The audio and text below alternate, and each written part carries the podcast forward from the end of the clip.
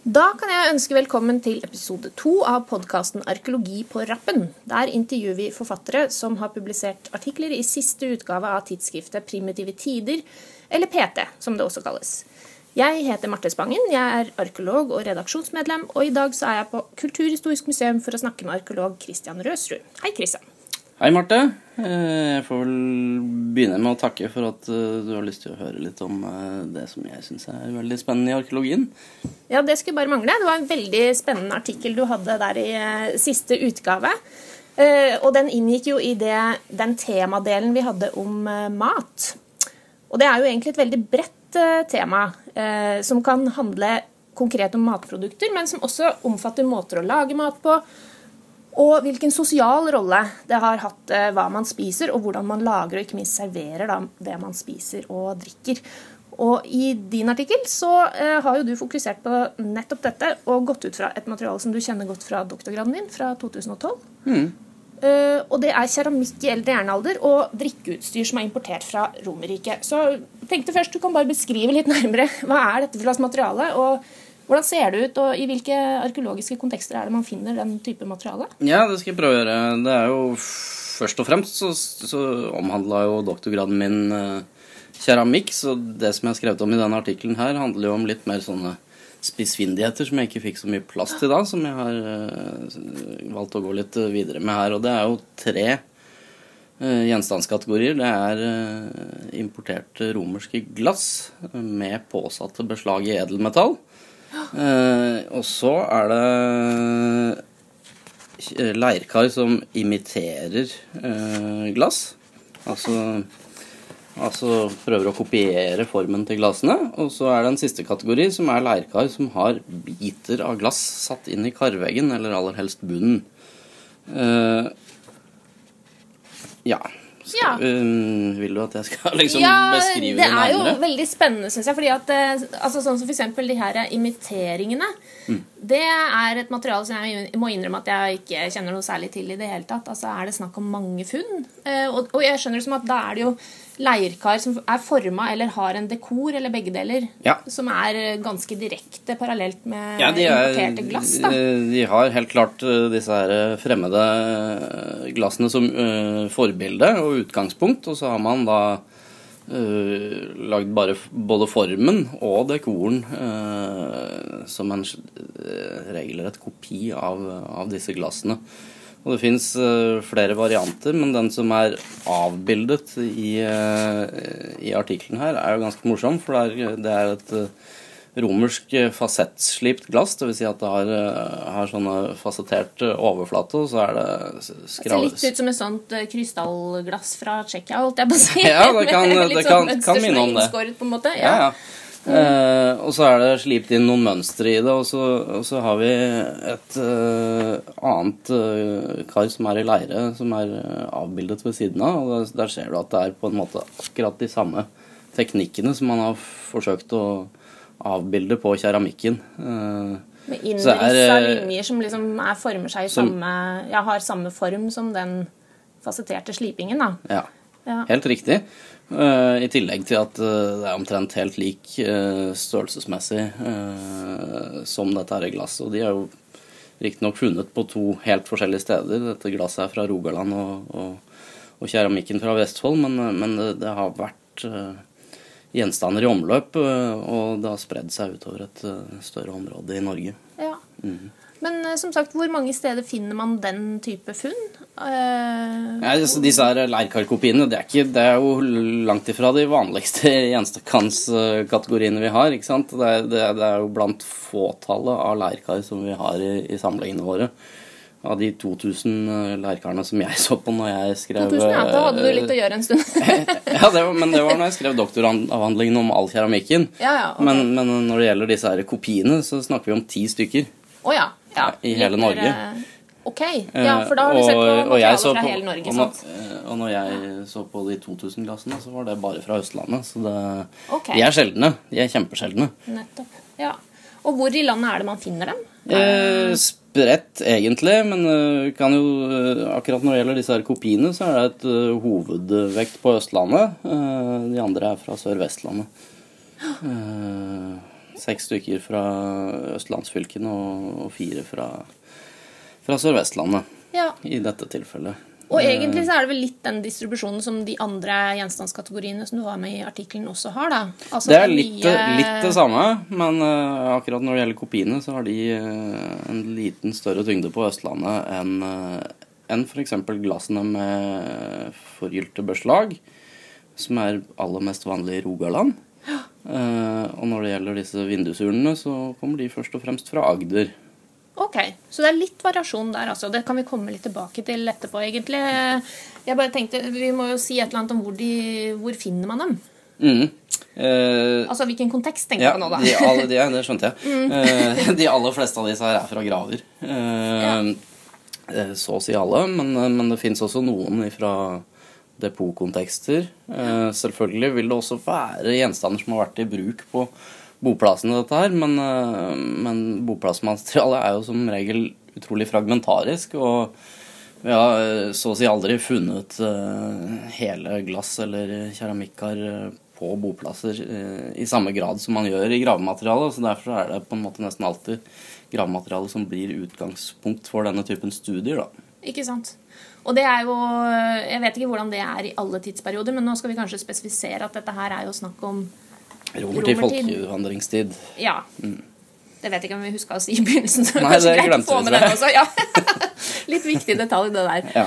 Men uansett så er det vel ikke så vanlig å finne type glass og sånne ting heller i bo boplasskontekster i senere perioder. Nei, skyld. Så, så, absolutt ikke. Eh, Men av og til så gjør man det, men da som regel i form av bare noen enkle skår. da.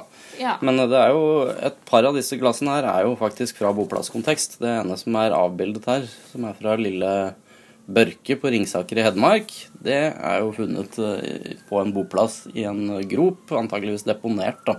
ja. Eh, Mer som en uh, ofring. Ok. Ja, men det er jo kjempeinteressant, altså. Eh, det jeg også tenkte jeg skulle Eller det vi egentlig skal snakke om, kan du si. Det er jo hvordan du bruker dette her materialet til å diskutere noen eh, prosesser, noen sosiale prosesser, eh, som blir definert som eh, hybridiseringsprosesser.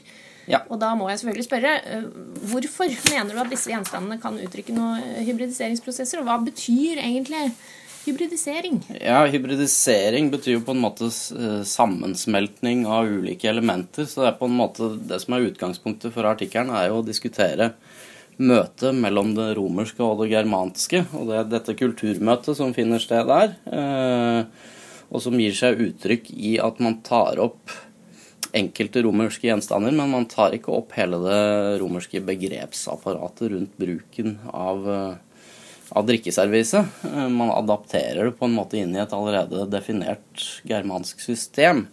Men, eh, men disse glassene f.eks. blir uttrykk for elitens måte å distingvere seg i dette allerede kjente gjestebuds-gildesystemet som man har hatt i romertid og folkevandringstid. Mm. Det er en måte å skille seg ut fra bermen, at man eh, tar over noen sånne romerske elementer, da. Ja, Bermen, det, det, Bermen har vel ikke fått eh, lov å bruke keramikk engang, kanskje. Nei. Men Virkelig holdt utenfor. Det var vel kanskje store sosiale skiller eh, i denne perioden også, så Det må man nesten regne med. Ja. og disse her eh, gjenstandene her som er fra graver, de er jo fra, fra rike graver og et lite miljø. ja, nemlig. Og det som er litt interessant, da, det er jo eh, og som disse her bildene også er Det er flotte bilder i den artikkelen, må jeg si, så det er jo absolutt verdt å gå inn og se på bare det. Men eh, det som er morsomt, er jo det at du har litt eh, ulike elementer. Altså når det er beslag, så er jo de med eh, mer en sånn hjemlig dekor, da. Ja. I forhold til det glasset som de er satt på, som da er av en slags romersk Hvis vi snakker om de glassene eh, først, eh, så er jo på en måte glasset i seg selv kommer jo fra Romerike. Det er en importert gjenstand. Ja, Det Mens- vet man helt sikkert. at Det er man helt sikker på, for man Ja. kunne ikke produsere glass eh, på våre breddegrader eh, tilbake på 300-400-tallet. Nettopp. Eh, Så det vet man at det er importert. Og det var romerske glassverksteder på flere steder i Europa. Så, eh, men eh, mange av de er antageligvis fra eh, området rundt Rhinen, hvor man vet det ble produsert glass. Okay. Ja. Men og i de aller eldste gravene hvor vi finner den typen importmateriale, så finner vi glass i, i seg selv bare lagt ned, eh, sammen med keramikk og andre hjemlige artikler. Men etter hvert som man kommer ut i, på 300-400-tallet, ja, kanskje særlig 400-tallet, eh, så prøver man på en måte å domestisere eh, dette her glasset ved å, ved å sette på lokalprodusert håndverk. Og da, da kommer disse her lokale Eh, finsmedkunstnerne. Eh, og produserer Ja, det er sølv. Eh, det er egentlig sølvbeslag som er forgylte. Okay. Med dekor i dette her stil 1 uttrykksformen som, som, avspeiler både mennesker og dyr. Ofte i litt ugjenkjennelige former. Men det er i hvert fall et helt klart germansk uttrykk, og sånn sammensveises på en måte de to kulturelle uttrykkene. Nettopp. Ja, og hva tenker du da i forhold til de andre? For det er jo veldig sånn åpenbart da, at man etter hvert har satt sitt eget preg på den her romerske importen. Da blir jo den sammensmeltingen som du snakker om, og som kan kalles for en hybridisering, veldig tydelig.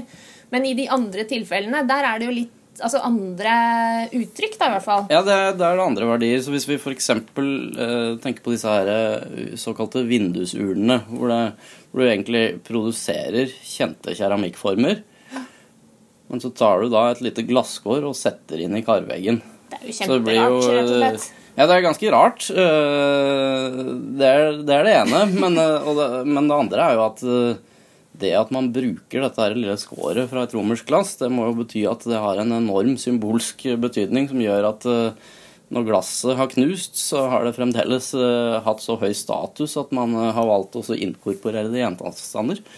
Så det er det på en måte dette fremmede uttrykket som, som, blandes inn i den egne kulturen uh, og settes inn i karveggen. Ja. Uh, og så har man på en måte med seg litt av biografien fra glasset inn, inn i det germanske stiluttrykket. Da. Ja, ja. Mm. og da må jo alle egentlig ha visst også hvor verdifullt det glasset var, antageligvis, i og med at det er en så liten bit. Og, helt, altså, helt klart. Det fins jo også eksempler på at man bare legger ved glasskår i gravene. Ja, uh, som et symbol i seg selv, bare som ja det, som er en del for en helhet. Da, ikke sant? Ja. Uh, så disse her glassene de har vært utrolig verdifulle. Og, og noe som er med disse her eh, påsatte dekorbeslagene, det er også at de ofte er kamufleringer av reparasjoner. Altså Glassene har vært i bruk ikke sant? Så over lang tid, og så når de har gått i stykker, så har man øh, følt for å reparere dem for å kunne bruke de videre. Så så både sammensmeltes de to stiluttrykkene, men samtidig så er det en kamuflert reparasjon. Da. Ja, ja, ja. Og det jo veldig, stemmer jo veldig bra med den eh, tids, eh, altså, tidslinjen som du skisserer òg, At mm. du først får de hele glassene, og så etter hvert så er de ikke så hele lenger, han sagt. Og da begynner den her eh, domestiseringen i form av at man skal sette på beslag for å skjule skavanker og det ene og det andre. Nettopp. Nettopp, og, og, og, mange av disse glassene er jo også, kan vel også regnes som antikviteter når de havner ned i gravene. Eh, de har vært i omløp i mange år og på en måte vært en stor verdi eh, før, eh, før, de tas ut av sirkulasjon. Ja. Eh, men det må jo ha vært en særdeles eh, viktig gravgave å gi med ned i graven da, når, man, når man legger ned en antikvitet på den måten. Ja, nettopp. Kan man se en variasjon i tiden også i forhold til de eh, glassene med beslag er jo i ett område, da, som du sa, har jo hovedvekt i ett område, og så har eh, disse vinduskarene eh, liksom hovedvekt i et annet område. Mm. -hmm. er det da sånn at de vinduskarene er litt senere? Eh, nei, det er det ikke nødvendigvis ikke. Eh, de er mer eller mindre samtidig sånn sett. Eh, vinduskarene kan være litt tidligere, men, eh, men, eh, men, men, de overlapper hverandre i tid, disse her. Ja, men jeg tror egentlig det har noe med, med verksteder å gjøre også. Eh, man har i hvert fall en tanke om at disse finsmedverkstedene i folkevandringstiden har hatt en konsentrasjon i Rogalands- eh, og Vestlandsdistriktet, og dermed så har disse glassene som er påsatt disse beslagene, et kjerneområde der. Mens når det gjelder keramikken, så er jo den eneste produksjonsplassen vi kjenner fra Augland utenfor Kristiansand, i Vest-Agder. Og dermed altså eh, kanskje en hovedproduksjon der, og at, at, det, at, det, er de forskjellige håndverkerne som har fått tilstendt materialet. Og at det er på en måte håndverksmiljøet som nesten er de viktige møteplassene for de kulturelle uttrykkene her. da. Det er jo eh, utrolig spennende, da. For det gir jo den her lokale, altså lokale variasjonen i hvordan den hybridiseringsprosessen foregår. Mm. At det, er, det, skyldes jo en utbredelse av romersk kultur på sett og vis, men så får man helt sånne lokalt spesifikke blandinger. Ja, det er jo det at man tar ikke opp hele det, det romerske kulturelle uttrykket. Man, man, tar inn det man har lyst på, så det er helt klart uh, germanerne selv som har eh, bestemt hvordan de ønsker å ha dette her. Ja. Som alle kan høre, dette er et kjempespennende tema. Og eh, det fins altså mer stoff om dette her i den artikkelen som Christian Røsrud hadde i Primitive tider nummer 19. Den heter 'Drikkeutstyr med romersk opphav. Identitet og sosial interaksjon i eldre jernalder'. Og så lurte jeg på, er den tilgjengelig på nettet? Eh, ja. ja, det tror jeg. Så den bør jo være tilgjengelig på akademia.edu, f.eks. Ja. Ikke sant. Mm. Da går det an å gå inn på Christian Røsrus eh, profilside der og finne den artikkelen og laste den ned og lese den i sin helhet.